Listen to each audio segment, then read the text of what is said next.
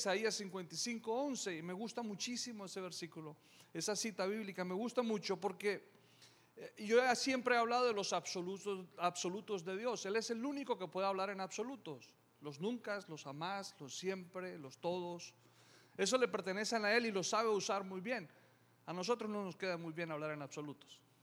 Pero Dios sí, Dios lo sabe hacer muy bien y lo representa muy bien. Isaías 55 dice, lo mismo sucede con mi palabra. Cuando digo lo mismo, él se está refiriendo a lo que en un versículo anterior, lo he dicho en otras ocasiones, la lluvia y la nieve dejan los cielos para regar la tierra y producir en ella todo lo que sea necesario. Entonces después dice, lo mismo sucede con mi palabra. Él hace referencia a su palabra con la lluvia y con la nieve y al cumplimiento que tienen sobre la tierra. Pongan mucha atención a esto. Dice, lo mismo sucede con mi palabra y siempre produce fruto. O sea que Dios siempre quiere cumplir. Y dice, y logrará todo lo que yo quiero. O sea que todo lo que Él dice se va a hacer. Y después dice, y prosperará en todos los lugares donde yo la envíe. O sea, las promesas de Dios están diseñadas para cumplirse. Siempre. No solo los domingos. También los lunes también los jueves, también los martes, también, también en el día más difícil que quizás tú estés viviendo. Ese día también se pueden cumplir las promesas de Dios sobre tu vida. Siempre. En todo lo que el Señor comunica, todo lo que su promesa en sí quiere transmitirnos, enseñarnos, demostrarnos, en todo eso, Él lo va a cumplir. Pero y a esto que me gusta mucho dice, y en todos los lugares donde yo la envíe. Aquí en la iglesia, claro que sí. Pero también en mi casa, en la casa de mis hijos, en el gobierno, en el palacio del gobierno, en las cárceles. En todos los lugares donde el Señor envíe su palabra, allí se va a cumplir.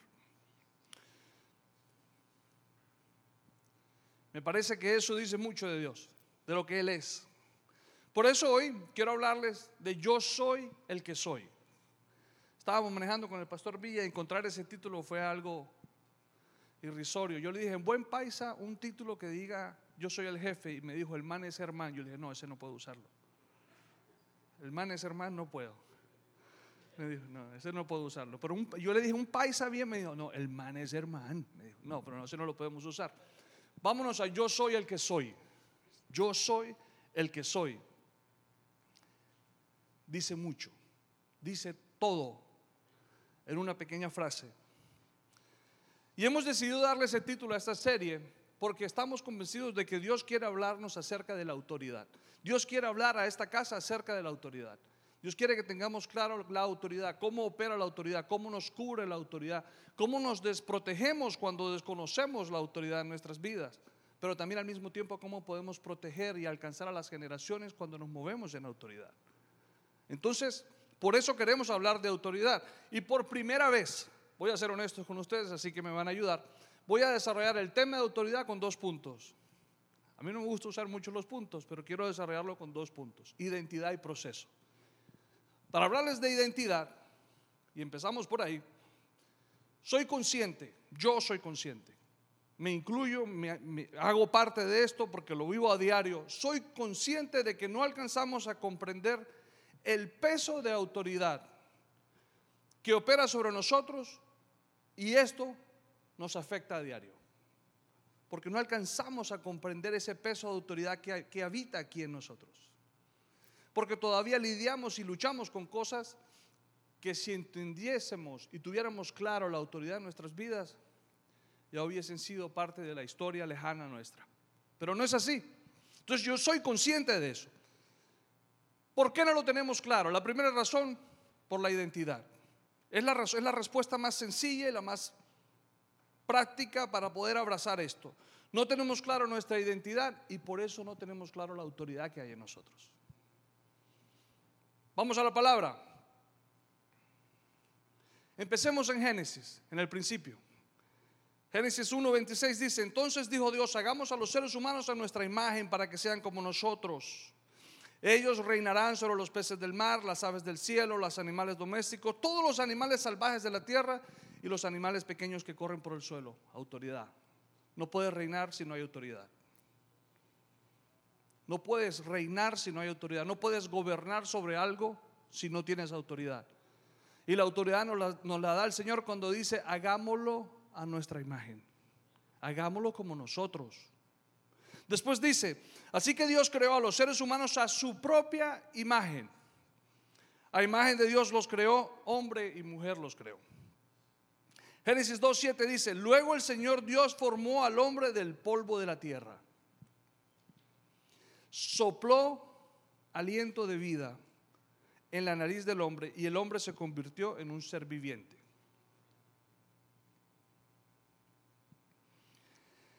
Dios en ese instante comparte de su esencia con nosotros. Lo hablaba con el pastor Villa hace unos minutos. Neshama. Cuando Él sopla aliento de vida en ese cuerpo que Él creó con sus manos del barro, comparte de su esencia, de lo que Él es. No solamente nos crea en el diseño de la creación, ese diseño a su imagen y semejanza, no solamente en ese diseño nos da la autoridad ya para gobernar y reinar, sino que aparte de eso nos da de su esencia para que podamos ejercer la autoridad que nos ha dado. Nos da esencia, Neshama. Ahora, recordemos algo importante. Lo dijimos la semana pasada en Deuteronomio 14.2, dice, tú fuiste separado, tú y yo fuimos separados, como pueblo santo para el Señor tu Dios y Él te eligió. Siempre lo he dicho, me gusta saber que Él fue el que me encontró entre todas las naciones del mundo para que seas su tesoro especial. Somos el tesoro especial de Dios. Primera de Pedro 2.9 dice, mas vosotros sois linaje escogido, real sacerdocio, nación santa, pueblo adquirido por Dios. Wow. Vamos a leerlo aquí. Esta es otra versión, me gusta más la mía. Igual. La palabra es una sola. Para que anunciéis las virtudes de aquel que os llamó de las tinieblas a su luz admirable. Somos sus hijos. Somos hijos de Dios. Somos hijos de Dios. Eres un hijo de Dios. Tenemos un padre. Ese vacío de padre lo puede llenar solamente Dios. Esta mañana en la prédica, un hombre de Dios abre su boca, abre su corazón y dice, he crecido sin padre, pero encontré mi padre en Dios. Él ha sido suficiente y ha llenado ese vacío en mi vida. Somos hijos de Dios. La palabra me lo dice. Salmos 2, del 7 al 8. Esto lo dijo David. Pero voy a leer Éxodo 4:22 primero, discúlpenme los que están atrás en Miria. Esto le dice el Señor a Moisés, que se lo diga a Faraón. En un momento dado le dice, entonces le dirás, esto dice el Señor, Israel es mi primer hijo varón. Eso lo dijo Dios. Israel es mi primer hijo varón. Y Salmos 2 del 7 al 8 dice, el rey proclama el decreto del Señor, Dios. ¿Cuál es el decreto del Señor? ¿Qué decretó Dios?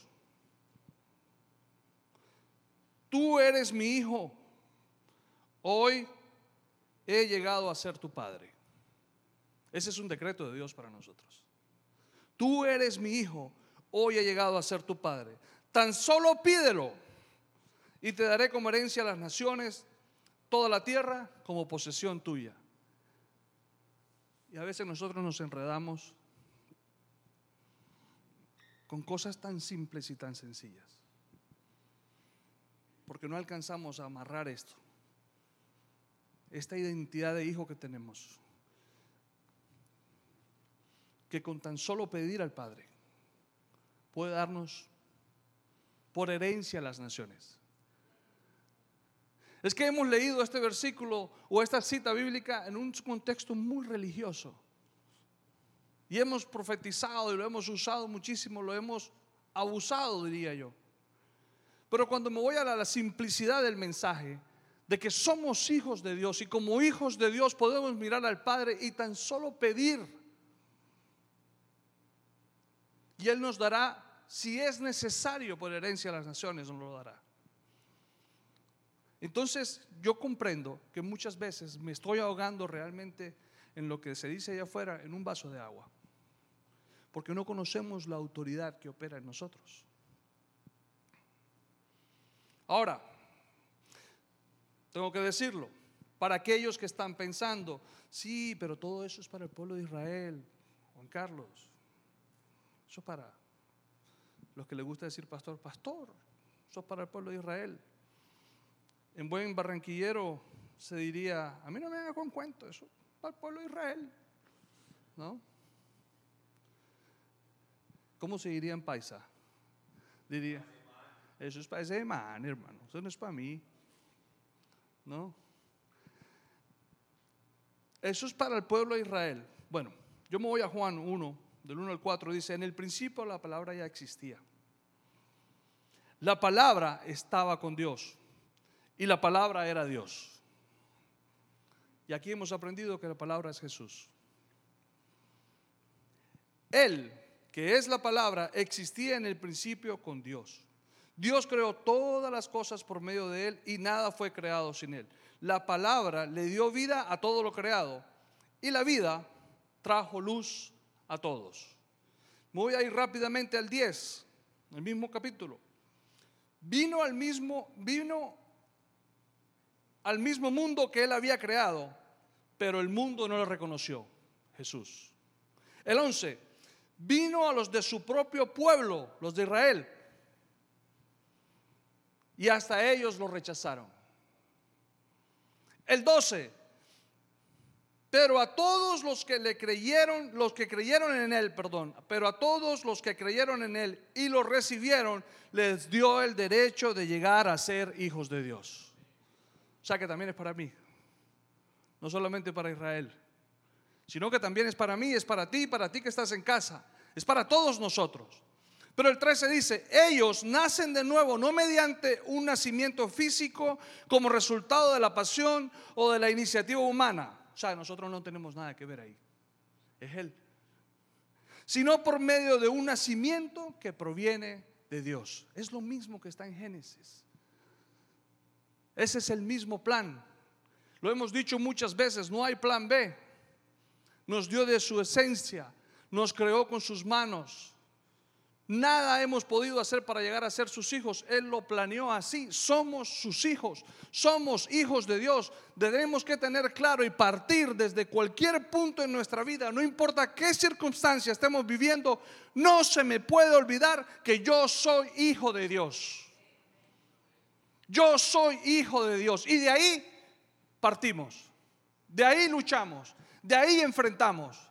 De ahí encontramos la fe, de ahí encontramos la fuente a través de Cristo Jesús, la fuente de vida. Allí, en Cristo, hoy he aprendido en Juan 1.13 que Él lo hizo posible. Ahora, nosotros como hijos de Dios debemos y podemos entonces operar en autoridad por naturaleza. Amén. O sea que en la creación de Dios, la naturaleza de autoridad de Dios fue impartida a nosotros a través de su Neshama. Y en el momento en el que Cristo nos hace hijos de Dios, a través de esta confesión de fe, en ese mismo instante comparte de su autoridad con nosotros. ¿Estamos claros con eso? Es importante tener esto claro, porque si partimos desde la identidad de hijos, del yo soy, de, saber quiénes somos, entonces vamos a enfrentar las cosas de una manera diferente. Porque siempre hemos enfrentado muchas de nuestras dificultades, líos, problemas, situaciones en nuestras propias fuerzas y en nuestros propios medios. Y si nos vamos a la cultura de la iglesia, muchas veces enfrentamos nuestros problemas, situaciones, dificultades, tribulaciones, buscando al hermanito más espiritual de la iglesia para que ore por mí. Y se me olvida que yo también tengo autoridad. Y queremos que el pastor ore por mí. Y queremos que el hermanito ore por mí. Y queremos que la profeta ore por mí para que me dé una palabra de Dios, pues yo necesito saber qué es lo que tengo que hacer. ¿Y dónde está tu identidad de hijo? Tú no puedes llegar a ser hijo si tú no conoces a tu padre. Con el padre se necesita establecer una relación para conocerle, intimar con él, sentarse a la mesa con él. Hablaba con un amigo y entendíamos lo importante de sentarnos a la mesa con la autoridad de Dios en nuestras vidas. Tenemos mucho que aportar pero nos hemos limitado por falta de identidad. Tenemos mucho que enseñar. Tenemos a mucha gente que ayudar, pero no operamos en autoridad, porque no sabemos o se nos olvida que somos hijos. O sabemos que somos hijos los domingos, pero el lunes cuando encontramos un problema, estamos llamando a la hermana Ebonet para que ore por mí. Y se nos olvida la autoridad de Dios en nosotros. Amén. Amén. Ahí estamos. Ok. En su diseño de vida, la autoridad está, hace parte de este diseño. La autoridad hace parte de su plan. La autoridad de Dios hace parte del cumplimiento de su propósito para con nosotros. Por consiguiente, la autoridad, cuando, cuando ejercemos esta autoridad, Vivimos el plan de Dios, el propósito de Dios y los procesos de transformación de Dios a través de su palabra de una manera más efectiva.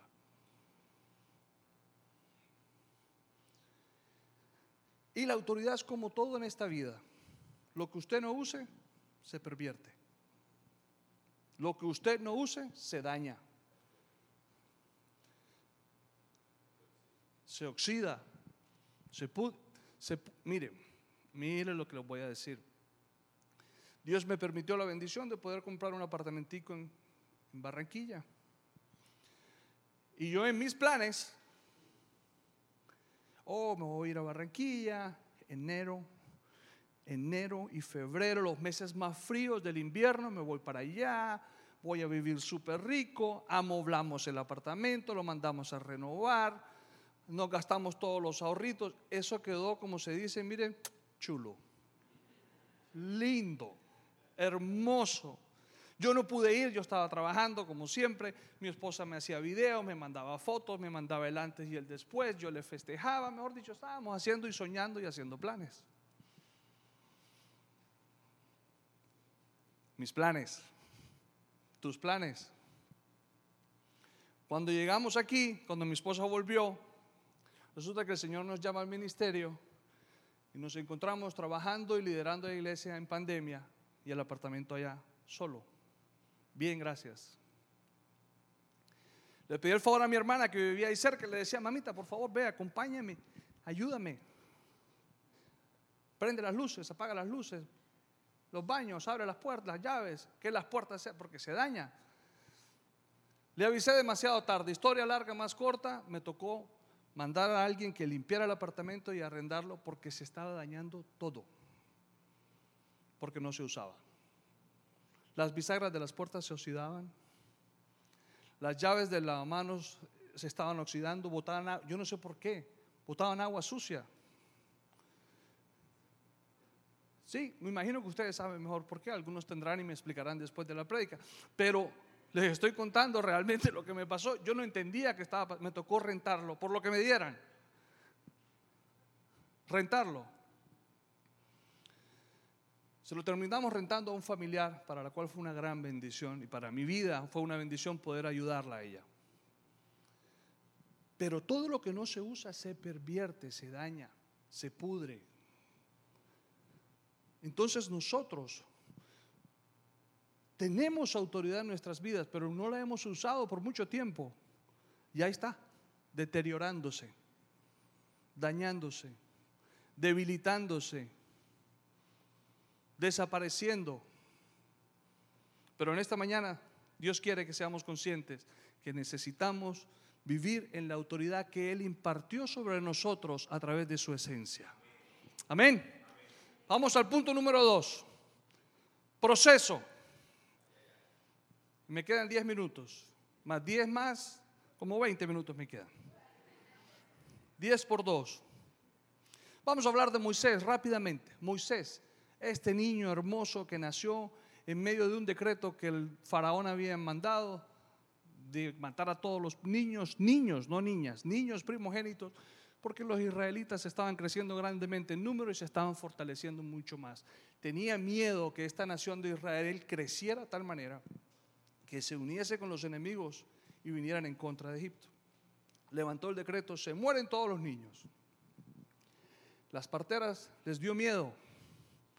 No quisieron hacer caso a eso, entonces él dio este decreto. Nació Moisés de una pareja de la tribu de Leví. Tres meses después, Moisés lo ponen en un canasto y lo ponen en el río. ¿Qué significa Moisés? No es el canasto. Hoy en día conocemos que Moisés es el canasto y todos vemos, ay, un Moisés, qué lindo, ¿no? ¿No? Hoy en día todos utilizamos el nombre Moisés para, ¿qué te hace falta en el baby shower? Un Moisés, ¿no? Ay, me hace falta el Moisés del carro. Para sacar al niño del hospital y ponerlo en el carro y poder ir. Eso no significa Moisés. Le tengo esa mala noticia. Moisés, Moisés significa sacar del agua, rescatado del agua. Ese fue un nombre que le dieron a Moisés. ¿Perdón, papi? Salvado del agua. Eso significa Moisés. En griego, sacar de las aguas. Y ese nombre se lo dio la hija de Faraón. Y la hija de Faraón tuvo compasión del bebé porque el bebé no paraba de llorar cuando ella lo encontró en la orilla del río. Y la hermana de Moisés trabajaba para la hija del faraón y le dice, si quieres te busco una, una niñera, una babysitter. Yo conozco la mejor babysitter para este niño. Y ella dice, sí, por favor, búscale, va y le trae a la mamá. Y le presenta a la mamá. Y se llevan a Moisés para la casa de la mamá, con autorización del faraón, sin el faraón saberlo y empiezan a alimentar y a crecer este bebé, a darle seno. La palabra dice que le daban seno a Moisés, la mamá.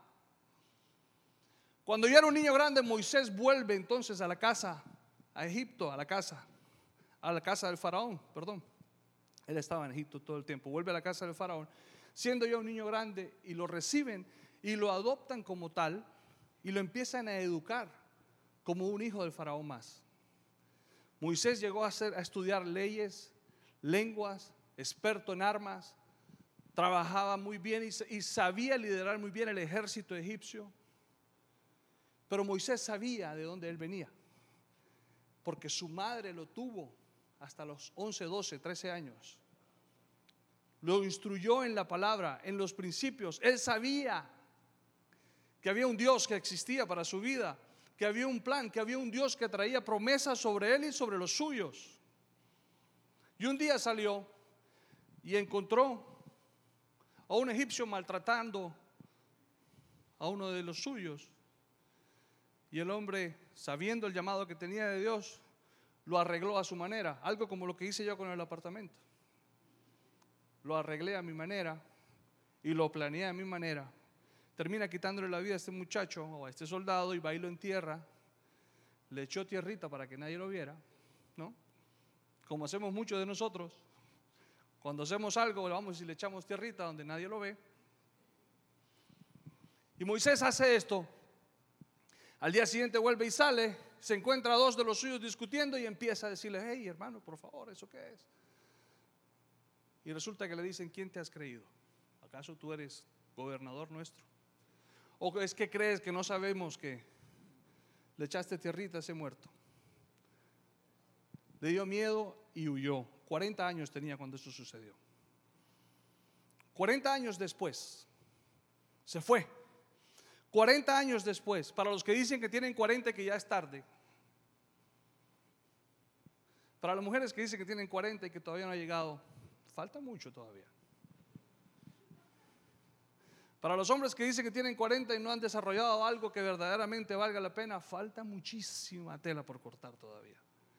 40 años después, tenía Moisés 80 años cuando estaba apacentando las ovejas de su suegro. Súper bien, cómodo, familia, hijos, cómodo. En otras palabras, Moisés se había resignado y se había acomodado. Estaba bien, tenía empleo, tenía familia, tenía herencia, pero allá lo encontró el Señor. Para los que están cómodos en esta mañana, vamos a leer rapidito Éxodo. Quiero que por favor la alabanza me ayude porque creo que ya debo cerrar. Éxodo 3.6. Voy a ir al 9. En el 3.6 sucede, quiero que pongan el 9 ahí arriba por favor, yo le voy a leer el 6. Dice, cuando se enciende esta zarza y Moisés le llama la atención, un arbusto, vamos a ponerle un nombre, un arbusto se encendió a la distancia y Moisés se acerca, porque está encendida y no se consume. Y le llama la atención y él se acerca. Y cuando se acerca, el Señor le habla y le dice, yo soy el Dios de tu Padre. ¿Se acuerdan que él sabía quién era? ¿Se acuerda que él sabía de dónde venía? Entonces Dios le dice, yo soy el Dios de tu Padre. El Dios de Abraham, el Dios de Isaac y el Dios de Jacob. Yo creo que en ese momento se le vino todo el piso a ese hombre. Dice la palabra que cuando Moisés escuchó esto se cubrió el rostro, se tapó el rostro y le dio miedo mirar a Dios. Entonces Dios le dice, ciertamente he visto la opresión que sufre mi pueblo y he escuchado su clamor y por eso he pensado que este es el tiempo y he venido a buscarte porque a ti te he escogido para hacer esto. Yo pensé que eso ya había pasado porque yo tengo 80 años. No, Señor, ¿de qué? No, y el Señor le dice, mira, el clamor de los israelitas me ha llegado y he visto con cuánta crueldad abusan de los egipcios. Y después le, manda una, le da una orden, le dice, ahora ve porque te envío al faraón, tú vas a sacar a Egipto de mi pueblo. Y aquí es donde yo quiero que tengamos claro el proceso de vida que usted y yo estamos viviendo. Moisés significa sacar, rescatar, salvar. Estaba marcado. Él estaba predestinado ya. No iba a poder escaparse jamás. No te vas a poder escapar, pueblo, de lo que Dios te llamó a hacer. No importa qué tan cómodo estés. No importa qué tanto éxito tengas. No importa qué tan bien te haya ido. Como tampoco importa qué tan mal te haya ido. Y qué tanto fracaso hayas vivido. Y qué tantos desaciertos hayas tenido. Dios te va a utilizar y, esto que tú estás viviendo y esto que tú has vivido, Dios lo va a usar. Porque hace parte del proceso de Dios en tu vida. Hasta el significado del nombre de Moisés, Dios lo iba a usar. Tú vas a sacar a Egipto a sacar de Egipto a mi, pueblo, a mi pueblo Israel. Pero Moisés protestó como muchos de nosotros protestamos. ¿Quién soy yo para presentarme ante el faraón? Ya yo tengo 80 años, ya uso dientes de mentiras. ¿Quién soy yo? Ya yo no puedo sonreír como antes. ¿Quién soy yo? Me duele la espalda. ¿Quién soy yo para sacar al pueblo? de Israel, del pueblo de Israel de las manos de los egipcios. ¿Quién soy yo? Nos descalificamos nos descalificamos, nos autocondenamos. Nos estamos, estamos robando el plan de Dios a nosotros mismos. No necesitamos del enemigo que venga a robarnos el plan. Yo mismo me lo robo. Cuando no sé quién soy, y mucho menos voy a poder operar en autoridad. ¿Quién soy yo?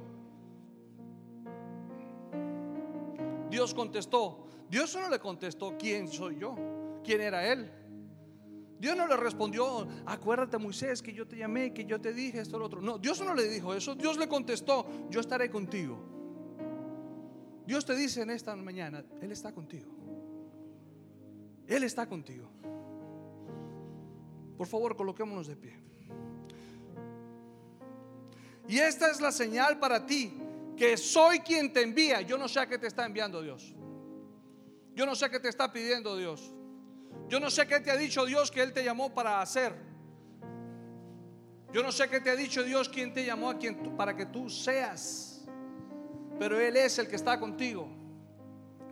Yo soy quien te envía. cuando haya sacado de Egipto al pueblo, adorarán a Dios en este mismo monte. Él, yo no sé cuál es la duda que tú tienes en tu cabeza, pero Él ya lo dio por hecho. La tarea que Él te dio está dada. Acuérdate lo que dice Isaías 55:11, grábalo en tu memoria, en tu celular, escríbelo en tu escritorio, en la mesita de noche. Dice que todo lo que Él dice se va a cumplir. Cuando Él quiera y donde Él quiera.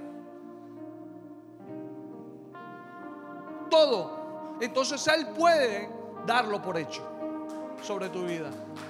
Él lo puede dar por hecho. Y Él lo da por hecho en esta mañana sobre tu vida. Todo. Pero Moisés volvió a protestar, como hacemos todos. Si voy a los israelitas y les digo, el Dios de sus antepasados me ha enviado a ustedes, ellos me preguntarán, ¿y cuál es el nombre de ese Dios? Entonces, ¿qué les responderé? Dios le contestó, yo soy el que soy. Yo soy el que soy.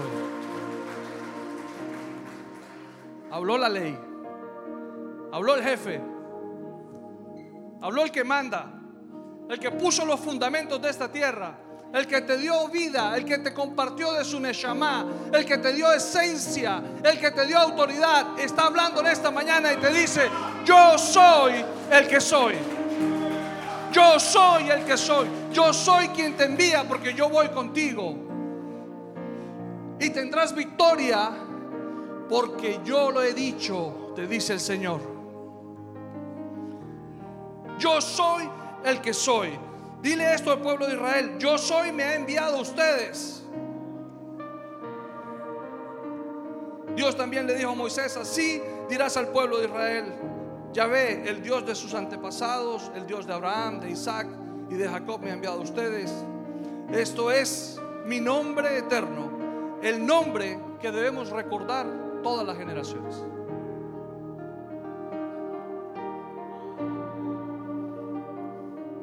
Sin embargo, Moisés protestó de nuevo. Qué coraje de este hombre, ¿ah? ¿Qué hago si no me creen? o no me hacen caso. Señor, ¿y qué hago si yo me paro ahí al frente y no dicen amén? Señor, ¿qué hago yo si, yo, si tú me dices que yo diga esto, pero... Señor, ¿qué hago si yo trabajo como pastor y la iglesia cada día va menos en menos? Si el número no sube, sino que al contrario se mantiene o baja. ¿Qué hago? Ese no soy yo. Señor, busca otro. Quizás no soy yo. Yo creo que yo fui para un tiempo, Señor. Pero ahora le toca al que le toca. ¿Qué hago? Entonces el Señor le preguntó algo muy sencillo. Y el Señor te pregunta en esta mañana, ¿qué es lo que tienes en la mano? Lo que tú tienes es lo que Él quiere usar. Moisés tenía la vara de pastor. La tira al piso, se vuelve en serpiente, vive en todo esto, la mano la esconde en su regazo, la, la saca llena de lepra, vuelve y la esconde y la saca y ya está sano. Y el Señor le dice, irás y estas te servirán por señal. Pero Moisés rogó al Señor, Señor, no tengo facilidad de palabra, nunca la tuve, ni siquiera ahora que tú me has hablado, se me traba la lengua y se me enredan las palabras, se me olvida la letra de la alabanza y no me la sé. Señor, que venga otra persona a cantar el otro domingo. Señor, se me olvidó el versículo. Moisés lo dijo, ¿por qué no lo puedo decir yo? Entonces el Señor le preguntó, ¿quién forma la boca de una persona? ¿Quién decide que una persona hable o no hable? que oiga o no oiga, que vea o no vea. ¿Acaso no soy yo el Señor? Ahora ve, yo estaré contigo. Yo estaré contigo cuando hables y te enseñaré lo que debes decir. Quiero cerrar con esto. Efectivamente Moisés va delante de su suegro y le dice, me tengo que ir. Aceptó el reto.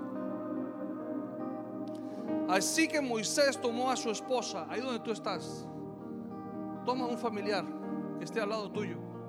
Y si no, piensa en un familiar que no tengas cerca, si no lo tienes aquí. Este es un acto profético que vamos a hacer.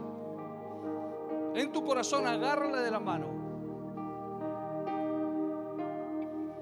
Con todo lo que tú tienes, con lo que tú llamas poco, con lo que tú llamas nada. Piensa en esta persona.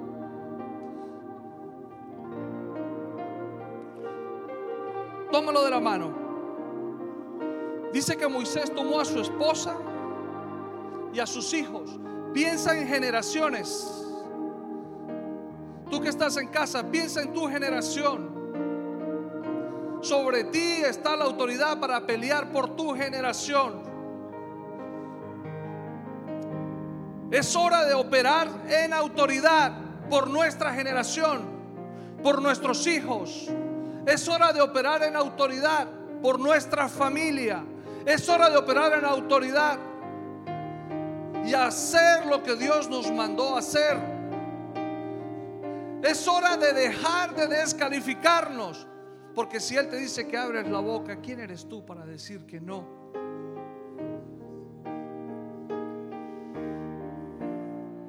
Tomó a su esposa y a sus hijos, los montó en un burro y regresó a la tierra de Egipto. Y en la mano, dice la palabra, si lo pueden colocar, les voy a agradecer. Éxodo 4:20. Y en la mano llevaba la vara de Dios. Ya no llevaba la vara del pastor. Porque cuando tú decides hacer la voluntad de Dios, sobre ti opera la autoridad de Dios. Así que en esta mañana, Padre, en el nombre de Jesús, decidimos operar en la autoridad que tú nos has delegado, Señor. Por identidad, mi Dios. Por propósito. Por tu plan. Por tu herencia, Señor. Operamos en autoridad, Señor, y guerreamos en esta hora. Por nuestra familia. Por nuestros hijos. Por mi esposa. Por mi matrimonio